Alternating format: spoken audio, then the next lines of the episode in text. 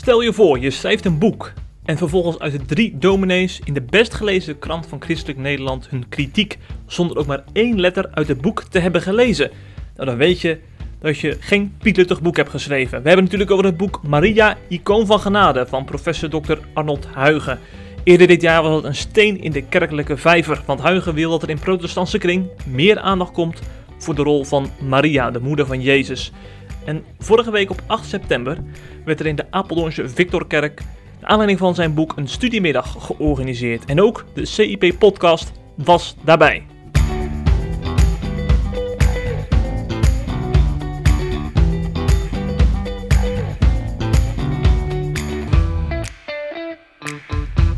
Voordat we gaan luisteren naar een sfeerimpressie van de studiemiddag, eerst een fragment uit de theologie-podcast van presentator Elsbeth Grudeke. Zij sprak met Huigen over de aanleiding van zijn boek en waarom hij meer aandacht wil voor Maria. Um, ik had altijd wel het gevoel dat Maria wat werd ondergewaardeerd in het protestantisme. Uh, en ik vond dat daar wat aan moest gebeuren. Uh, plus, uh, wat mij heel erg trof, dat was dat dagboek van Ilja Leonard Pfeiffer in NRC. vanuit Italië, de, de, de verschrikkingen van de coronapandemie. En hij heeft niet zo heel veel met God en met godsdienst, uh, zoals je in zijn boeken kunt uh, merken. Maar hij schrijft dan op een gegeven moment dat. Uh, dan gaat hij een kathedraal binnen in Genua en daar ziet hij daar Maria en dan vindt hij daar toch op een, op een bepaalde manier troost bij. Hmm. En ik dacht, wat is dat nou toch, wat mensen bij Maria vinden? Um, en ik ben daar ingedoken en ik ben eigenlijk van het een in het ander gerold en um, niet meer opgehouden te ontdekken. Zij is gewoon de gelovige, op de grens van Oud en Nieuw Testament. Uh, dus, dus ze is de eerste die het evangelie hoort. Hè? En dat is nogal een boodschap. En ze aanvaardt het. En niet zo'n beetje van, nou ja, vooruit dan maar. Nee, laat aan mij geschieden naar uw woord. Dus dan zegt ze royaal en voluit ja op wat God tegen haar zegt. Ja. Nou, vergelijk die, die, die oude priester Zacharias. He, die is eh, thuis in Jeruzalem en in de tempel en die, die moet het allemaal weten. En die gelooft het allemaal niet. Maar wat Maria hoort is nog veel ongelooflijker. Ze, ze, ze zit jong, ze zit in de periferie. Wat heeft ze ervan begrepen? Niet um, getrouwd niet getrouwd, dus dat, dat, gaat grote schande opleveren. En dan krijgt ze een soort uitleg van wat er zal gebeuren. Van ja, de, de, de Heilige Geest zal je overschaduwen. Nou ja, dan weet je het wel. maar dan weet je helemaal niks. Nee. Maar ze aanvaardt ze, ze gelooft. Um, dus ze is eigenlijk veel belangrijker en ook in de geschiedenis van de kerk uh, geweest. Dus haar lofzang, dat is een soort, soort concentratie van al die oud-testamentische psalmen. Dat, is, dat, gaat over bevrijding, dat gaat over God die naar Israël omziet. Maar dat is ook een soort dankbaarheid dat, dat, dat God haar heeft aangezien. Dus dat is iets geweldigs. Ja. ja. Diverse theologen hielden tijdens de studiemiddag een boeiende lezing over Maria en hun visie daarop. En er was ook ruimte voor discussie. En dan ben je bij professor Dr. Wim van Vlastuin aan het juiste adres. Hij legt de haarfijn uit waarom hij helemaal niet zit te wachten op meer aandacht voor Maria. We eren de heiligen. We gaan bij hun levens te raden om te zien hoe daarin Gods genade manifest is geworden. We houden exemplarische preken over de wolk van getuigen rondom ons. We kunnen ook met stichting een biografie lezen uit de grotere of de kleinere kerkgeschiedenis. Maar in het protestantisme hebben we geen feestdagen voor bepaalde heiligen. Dat lijkt mij helemaal in overeenstemming met de heilsgeschiedenis, waarin wij ons richten op de heiland en zijn werk. Het is ook in lijn met het Nieuwe Testament, waarin Maria na Pinksteren geen zelfstandige aandacht krijgt. Horen Paulus met grote klem zeggen: Ik heb niet voorgenomen iets te weten dan Jezus Christus en dien gekruisigd. En de reformatieherdenking dan, heb je tegengeworpen. Ik zou zeggen dat de reformatieherdenking juist viert dat we van alle zelfstandige aandacht van Maria zijn verlost. En dat het volle licht weer op het evangelie van Jezus is komen te liggen. Het tweede punt waar ik over zou willen spreken met je, is de Maria-fobie tussen aanhalingstekens in het protestantisme. Als het waar zou zijn dat het protestantisme een bepaalde Maria-fobie heeft, vraagt de huidige Maria-devotie in het zuiden van ons land en het geheel van Europa dan niet veel meer kritische distantie. Het zal waar zijn dat je in Apeldoorn of in Kampen niet zoveel hoort over Maria, maar hoe representatief is dat? Het is mijn indruk dat in de Rooms-Katholieke wereld de aandacht voor Maria allerminst op zijn retour is. Vooral paus Johannes Paulus II was een vurig aanbidste van Maria En hij wijde in 1984 de Rooms-Katholieke Kerk en het geheel van de wereld aan haar. Door deze studie van jou ben ik ook wat zelf op onderzoek uitgegaan. En ik schrok toch wel van officiële Roomse uitspraken over Maria. En nou, ik begreep dat uh, Gerard de Korte daar wat afstand van neemt, maar ik las toch ook wel die uitspraak medeverlosseres. Dat Maria het centrum is van spiritualiteit en eredienst, de eerstgeborene van alle schepselen, als degene die ons het beste Jezus laat kennen, als degene van wie en in wie we zijn. Dat lijkt mij een christologische categorie. De vrouw van wie het moederschap ons redt en aan wie we ons kinderlijk moeten overgeven, van wie het oppermachtige gebed ons de geest geeft, en als de Maria die Christus op Golgotha heeft opgedragen aan de Vader. Ja, ik, ik, ik, ik, ik huiver van alle zulke uitspraken. Heel veel van deze uitspraken zijn denk ik te duiden vanuit het kader dat Maria de moeder Gods genoemd wordt. En als we dat moederschap dan toepassen, ja, ik zeg het wat ongelukkig, maar op het geheel van de persoon van Jezus Christus. Zo is zij het bovennatuurlijk, uh, het beginsel van bovennatuurlijk leven. En de parakleet, zo brengt zij de zaligheid in de wereld. Verplettert de kop van het vreedste serpent en is zij de machtige middelares bij haar enige geboren zoon en de verzoenster van de ganse wereld. Allemaal citaten. Dan is het ook duidelijk dat Maria-verering niet facultatief is, maar tot de kern van de christelijke religie behoort en een rode draad is in het geloofsleven. Ze is een essentiële schakel in de heilsgeschiedenis. En uiteindelijk is de zaligheid uit Maria als de moeder van de zaligmaker afkomstig. Na zijn bijdrage ging Van Vlassen nog even in debat met bisschop Gerard de Korte. Hij ziet twee gevaren. Aan de ene kant het verzwijgen van Maria in protestantse kring. En aan de andere kant in zijn katholieke traditie de overdrijving van Maria's rol. Ik zou pleiten voor een blijvende dialoog over Maria, voorbij aan enghartigheid en aan overdrijving. Enghartig, en ik denk dat ook Ruiger dat met mij eens is, is dat we Maria verzwijgen. Daar heeft zij toch een te belangrijke rol voor in de helsgeschiedenis. En ik verwijs alleen naar Lucas 1. Voortaan prijzen alle geslachten mij zalig, want grote dingen heeft de machtige aan mij gedaan. En tegelijkertijd, en dat moet ik misschien dan zeggen tot sommige van mijn eigen katholieke geloofsgenoten, moeten we ook ons hoeden voor overdrijving. Uh, elke tendens naar vergoddelijking van Maria moeten voorkomen. Zij is volledig mens, toto creatura. En, uh, en ook dat hele denken in termen van medeverlosseres, hoe vroom ook bedoeld, uh, en hoe goed ook nog theologisch uit te leggen. Hè, als je het uh, onderschikkend leest, blijft Christus de ene unieke verlosser. Maar ik denk dat het een theologie is die gelukkig door de meerderheid, de grote meerderheid van de bisschoppen en ook van de katholieke theologen wordt afgewezen. We zitten in de pauze van de studiedag over uh, het boek van Maria van Arnold Huigen. En tegenover mij zit uh, Elsbeth Gruteke, wie kent het niet, voormalig EO-presentatrice, predikant van de ja. protestantse gemeente in Zeewolde tegenwoordig, hè? niet meer in Amsterdam. Nee, en vandaag ook nog eens uh, ja, gastvrouw eigenlijk. Dagvoorzitter. Dagvoorzitter. Ja. Je, mag, je mocht net het forumgesprek leiden tussen de bisschop van Vlastuin en Huigen. Ja. En uh, ik heb net al met uh, de plaatselijke predikant gesproken. Okay. Hoe uniek deze bijeenkomst is. Ja. Ja, In jouw vind, ogen ook? Ja, ik vind het heel bijzonder dat, uh, ja, je zou kunnen zeggen toch de breedte van de kerk op zo'n studiedag aanwezig is. Het begint natuurlijk al met Arnold Huigen uit Christelijk Gereformeerde Kerk, die een boek over Maria schrijft. Dan, dan ja. doe je natuurlijk al een, een soort openingsset. En vervolgens uh, kom je op een studiedag waar uh, een, een Rooms-Katholieke bisschop is. Ik zag ook iemand uit de Oud-Katholieke Kerk lopen.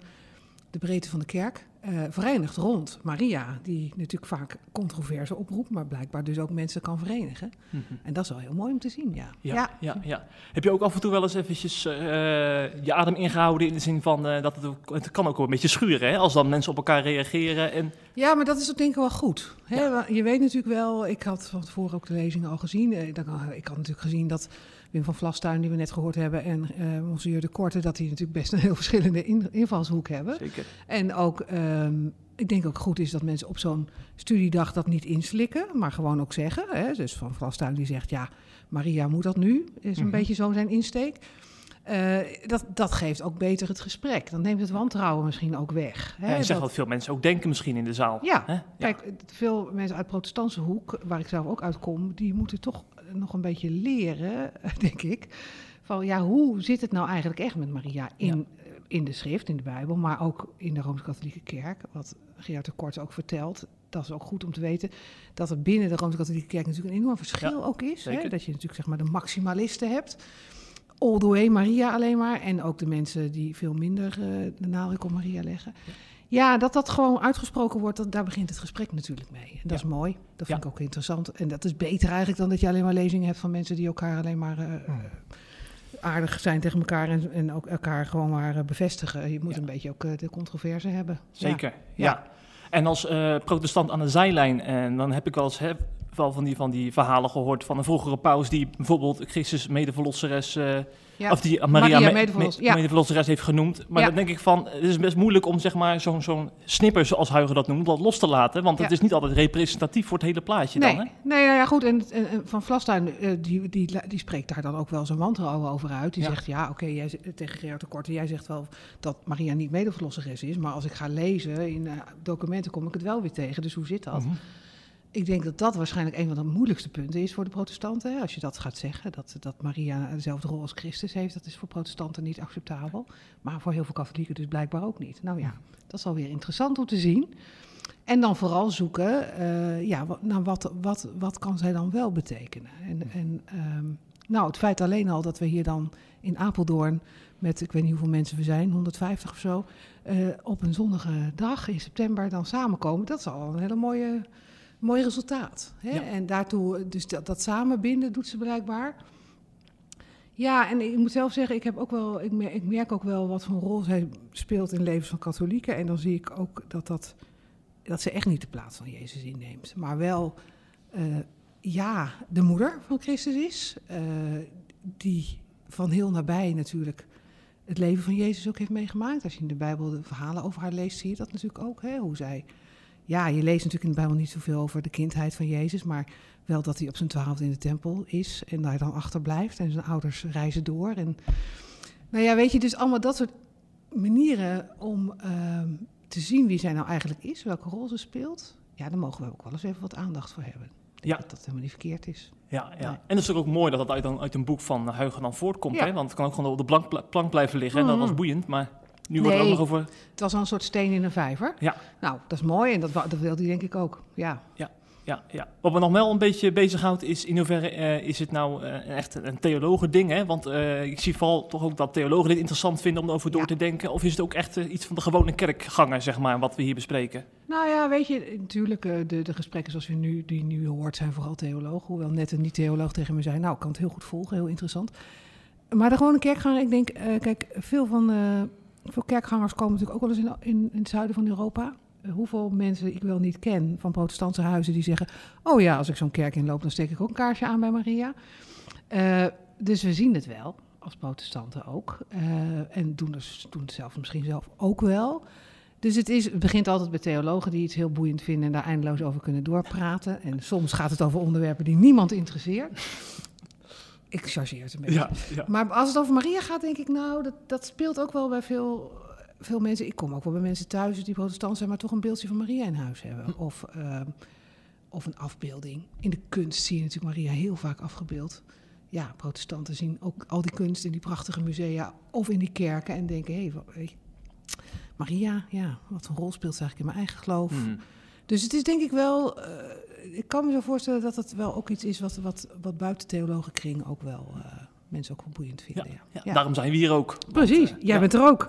Waarom ben jij hier Ja, eigenlijk? een goede vraag. Ja. Ik moet trouwens misschien nog een dingetje recht zetten. Want ik zei voormalig EO-presentatrice, maar je bent nog steeds EO. Mhm. ik werk ook nog één dag in de week voor de Ja, EO, ja, klopt. Ja, ja. nee, ik maak ook nog programma's voor de EO, Ja, ja, ja. podcasts. Ja, Ja, ja, klopt. ik ken je natuurlijk vooral als die collega van Thijs van der Brink die Ja, bij op eh, Radio 1. Radio 1 was. Ja, Maar dat, dat is al een tijdje voorbij. Dat is alweer enige jaren Ja. geleden, ja. Maar ik ben nog wel altijd verbonden ook aan de evangelische omroep. Eh, Ja. Dat is ook wel heel mooi om dat ook nog te doen. Mhm. Ja.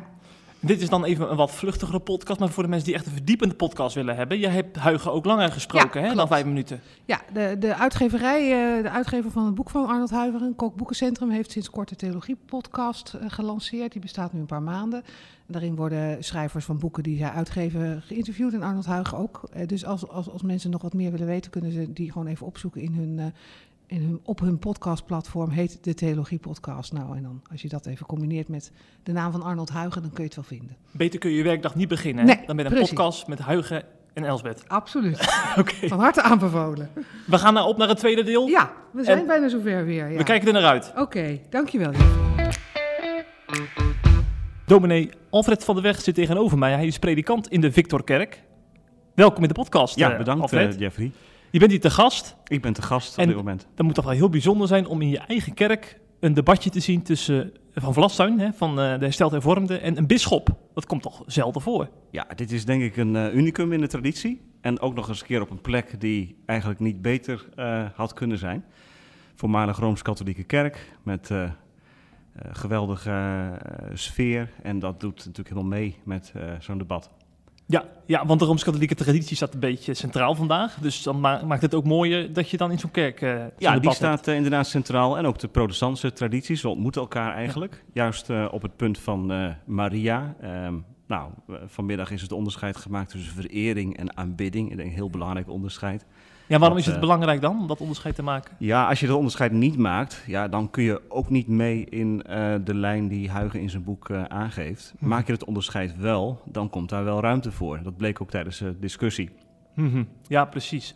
Ja, want als het onderscheid niet wordt gemaakt, krijg je dus misverstanden. Hè? Want Huig heeft het over karikaturen gehad over elkaar die we we- moeten wegnemen. Is Ja, dat er zo eentje? Dat is er eentje, zeker. Ja, en er zijn er meer, maar dit is er ook één. En karikaturen kun je enkel wegnemen als je elkaar ontmoet, face-to-face. en zoekt naar eh, common ground. En ja, die is er verrassend genoeg voor mij althans. Eh, echt wel.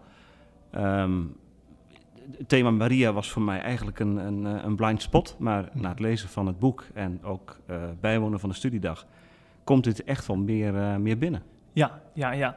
En eh, ik denk dat het voor meer protestanten geldt, hè, dat Maria geen, niet echt een issue is. Nee, terwijl ze natuurlijk wel eh, veel genoemd wordt in de Bijbel. Ja. Ehm, opvallend veel zelfs. En de moeder des Heren genoemd wordt. Mhm. Ja. Maar de vraag moet af, je, bent gewoon predikant hier in Apeldoorn, je ontmoet allerlei mensen zo eh, door de week. Wat heeft dan zo'n zo'n debat over Maria dan voor, voor meerwaarde, gewoon voor je dagelijks werk? Nou, misschien voor mij eh, wel meer nog dan voor eh, eh, eh, andere collega's in die zin dat ik woon in, eh, naast de kerk en ehm, door de week geregeld ehm parochianen ontmoet. Die hier dus vroeger naar de kerk gingen. Helaas is die kerk eh dichtgegaan. Door de kerkverlating? Juist, Ja, door de kerkverlating. Ja. maar goed, die mensen zijn eigenlijk ehm, hun kerk kwijt. En ehm, drie keer per week staat hier de kapel, het voorportaal open. Er komen echt wat mensen op af die dan eh, even bi- kunnen bidden, eh, stil kunnen zijn. En die mensen ontmoet ik ook wel hier in de buurt. En ehm, ja, dan zoek je ook naar ehm, nou, common ground. Hè? Wat, Ja, ja, wat verbindt ons aan elkaar? En verrassend genoeg zijn er echt wel eh, eh, verbindingen. Ja, dan kan ik me voorstellen als je dan eh, zo'n boek van Huigen erbij neemt en, en zo'n zo'n bezin- bezinningsbijeenkomst bezoekt, dat je dan meer in die hoofden van die mensen kunt kruipen misschien Nou, dat is het, dat is het inderdaad. Ehm, eh, met respect probeer je ehm, te luisteren en ehm, eh, aan te horen wat, wat parochianen tegen je zeggen. En ook hun soms misschien zelfs wat naïeve manier van devotie. Ja, daar zit wel een, een laag in van zoeken, van verlangen. Ehm, en dat uit zich in het eh, aansteken van kaarsjes, eh, bidden, het bezoeken van eh, de kapel. Ja, ik, ik vind dat wat bijzonder om het op te merken. En eh, eh, op die manier ben je, ook al sta je in de protestantse traditie, toch ehm, ehm, ehm, een aanspreekpunt. Ja. Ja. Ik zit te bedenken, er zijn natuurlijk ook heel wat eh, eh, protestantse dominees die zijn actief in eh, wat katholieke gebieden. Ik denk bijvoorbeeld aan het noorden van Noord-Brabant, hè, daar heb je zo'n stukje bijbelbelt. Ik denk voor hun is het dan ook heel belangrijk zo'n dag eigenlijk, hè, om die omgeving te begrijpen. Ja, ik zie niet heel veel collega's hier eh, Nee, vanmiddag. valt tegen. Dat valt me eigenlijk een beetje tegen. Ja. Maar goed, ik hoop maar dat ze het boek dan lezen. En in ieder geval zelf eh, ehm, hun gedachten op orde brengen. Maar dat valt me eigenlijk een beetje tegen, ja. Ik zie hier wel heel veel publiek, maar niet heel veel collega's. Ja, ja. Want ik, zat, ik had het net met Elspeth Grieteke erover, zij is dagvoorzitter vandaag. Van in, uh, het zou natuurlijk mooi zijn dat het niet alleen een theologendebat wordt in het RD, RD hè, als dan dominees op elkaar reageren, maar dat het ook echt iets uh, is dat dieper gaat dan dat. Denk je dat dit een goede aanzet is daartoe? Nou ja, het boek van Arnold Huigen geeft wel die aanzetten. Um, ik denk even aan het zingen van het Magnificat. We hebben dat net ook gedaan hier op de studiedag. En voor de mensen die dat niet weten? Het, het, de lofzang van Maria, ja, hè? Op, in allerlei varianten. Um, um, maar op die manier um, breng je uh, niet alleen Maria wat meer voor het voetlicht, maar waar het uiteindelijk om gaat, ze is de moeder des Heren, uh, haar zoon. Uh, dus Maria als moeder van Jezus. En ja, in haar zie je het gelaat van Christus, de genade van Christus weerspiegelt. En dat, ja, dat blijft mij bij na deze dag en na het lezen van het mooie boek. -hmm. Ja. Hoe lang ben je nou eigenlijk dominee Alfred? Hoeveel jaar? Nou, um, dat wist ik niet tot de kerkraad mij na een dienst aan een, een, schilderij van Henk Helmantel aanbood. En daarbij zei, u bent 12,5 jaar predikant. 12,5 jaar alweer? jaar dus, ja, ja. ja. En dan kan het toch zo zijn dat je in die 12,5 jaar toch weer iets nieuws hoort door een boek van over absoluut, Maria. Absoluut. Um, theologie is nooit een, een, een, een um, iets wat af is. Hè. Theologie is in een proces. Dus hoe meer je weet, hoe minder je weet. Ja, dat gaat door. En soms worden de thema's ook afgestoft, hè? Want door de reformatie zal dit ook wel uh, ja, gewoon uh, niet echt belangrijk zijn geweest in veel kerken, dit überhaupt over, over Maria te praten. Nee, de reformatie heeft met, met recht en met reden natuurlijk um, bepaalde dingen opgeruimd. Maar misschien ook wel op sommige punten het kind met het badwater weggegooid, om het even uh, wat gechargeerd te zeggen. Um, aandacht voor schoonheid, voor rituelen. Um, komt ook in dit boek voorbij overigens. Dus ik, vind het goed hè, dat we niet alleen denken vanuit de Reformatie, maar ook um, beseffen dat wij deel uitmaken van een uh, traditie van eeuwen. En die begint niet bij 1517, maar uh, die gaat nog veel verder terug. Ja. Ik kan me nog herinneren dat wij een interview hebben gehad over de, de belang van de biecht. Hè? Ja. Weet je dat nog? Klopt. Dat heeft hier dus ook mee te maken. Dat heeft hier alles mee te maken. Ja. ja. Ik heb uh, een paar jaar geleden een artikeltje geschreven over de biecht. En um, dat is eigenlijk ook wel een beetje ingegeven door um, het, het zijn hier. Uh, de biechthokjes staan niet trouwens nog in de Victorkerk, ze zijn niet meer in gebruik. Um, de studeerkamer is nu de, de biechtkamer geworden. Ja. Maar dat is ook zo'n punt. Wat, wat mij betreft afgestoft moet worden. En dat gebeurt ook wel hoor. Hier en daar zie je ook wel dat de biecht weer uh, uh, nieuw leven wordt ingeblazen. Niet op die um, manier, op die verplichtende manier. maar meer op een, op, op een moet ik het zeggen, meer pastorale manier. Ja, ja. ja gewoon bij een manier die past bij de gemeente ook, denk ja, ik. Ja, die past bij de gemeente. Ja. Uh, het verplichtende karakter gaat er wat van af, wat mij betreft. Maar de mogelijkheid om te biechten, het is zo heerlijk om je hart te kunnen luchten bij iemand die je echt vertrouwt. En ja, noem het biecht, je kunt het ook iets anders noemen. Maar um, nou, ik vind het wel een thematiek die uh, um, ook vandaag echt de moeite waard is om te doordenken. Ja, ja, ja. En uh, um, ja, wanneer is zo'n studie dan eigenlijk geslaagd, vraag ik me af. Dan kunnen, we kunnen wel met elkaar een, een, kopje thee drinken en dan vertellen hoe mooi we het boek van Huigen vinden. Maar is, moet het daarbij blijven? Nee, ja, dat gebeurt ook niet hoor. Nee? Ik vond dat de dagvoorzitter uh, het uitstekend deed. Mm -hmm. hè, die uh, prikkelde af en toe ook en die probeerde de gesprekspartners te bewegen tot ook, ook, stelling innemen en te zoeken naar wat, wat, nou, wat de beslissende punten zijn van verbinding en van onderscheid. En dat gebeurde ook. Dus het is wat mij betreft geen gezellig uh, ja, af en toe ook het schuurde af en toe. En ja, ja logisch zou ik zeggen. Uh, en dat mag ook. Laat het maar vonken. Um, dan doet het wat tenminste. Um, en ik hoop dat um, dit boek een aanzet is tot verdere doordenking van ja, die heerlijke uh, theologische traditie die achter ons ligt. We staan op de schouders van uh, velen. Hm, precies. Ja, en uh, hebben ze hier trouwens ook nog een actieve Rooms-Katholieke kerk in Apeldoorn? Of is er nog. Er zijn ja, er okay. zeven, waarvan er zes gesloten zijn. Okay. Er is nog één kerk in bedrijf, de Mariakerk. En die, uh, ja, die is nog uh, open. Ja, ja. ja. Dus wij zijn blij dat we deze kerk konden kopen. Hm. En hier zondags met de gemeente zitten. Ja, Helemaal mooi. En dat in coronatijd, hè? Want uh, uh, ja, Hugo refereerde net al eventjes naar een NRC-columnist die in coronatijd steunputten uit de bezoek aan een, aan een kathedraal. Ja. Jij hebt eh, ges- geschreven over het belang van kerk zijn in coronatijd. Ja, dat klopt ja. Dat boekje Daarom ga ik naar de kerk is inderdaad eh, in coronatijd geschreven en ook eh, uitgegeven. En dat heeft alles te maken met ehm, het belang eh, dat ik eh, zie in het gaan naar Gods huis.